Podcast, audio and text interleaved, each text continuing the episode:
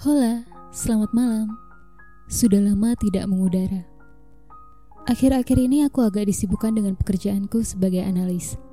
Ya, begitulah, proyek datang tanpa jeda. Seakan aku disuruh lari tanpa henti. Ngomong-ngomong, malam ini aku mau membahas tentang peran utama. Kalau di dalam film atau drama, biasanya pemeran utama itu sifatnya protagonis. Dicintai banyak orang karena kebaikannya. Dan selalu punya ending yang bahagia. Sayangnya pemeran utama dalam kehidupan nyata tidak selalu seperti itu. Kalian mungkin pernah dengar kalimat ini, entah itu dari keluarga atau teman kalian, bahwa kita adalah pemeran utama dari hidup kita sendiri. Tapi apakah artinya kita ini adalah seorang yang protagonis? Mungkin iya, menurut sudut pandang diri kita sendiri. Tapi bagi orang lain, kita belum tentu seperti itu. Lalu yang kedua, jika kita adalah seorang pemeran utama, apakah kita banyak yang menyayangi?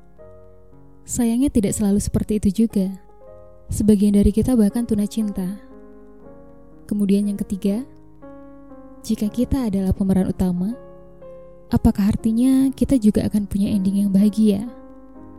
Kalau ini tergantung. Tergantung bahagia seperti apa yang kita mau. Kita memang pemeran utama pemeran utama yang mungkin banyak lukanya, pemeran utama yang takdirnya tidak selalu indah, pemeran utama yang banyak sepinya, banyak diamnya, hampir semua masalahnya ditelan sendiri. Kita pemeran utama yang jauh dari apa yang biasanya digambarkan dalam film atau drama.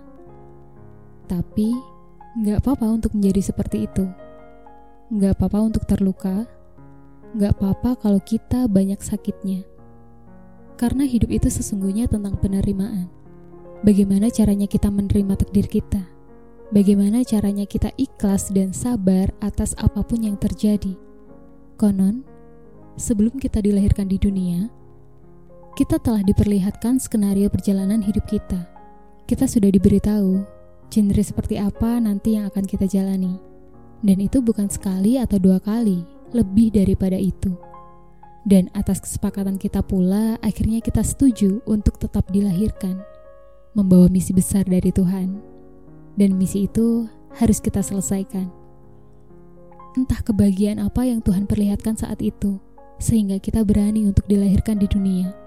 Tapi satu yang pasti, sesuatu yang indah ada di depan sana. Untuk kita, sang pemeran utama.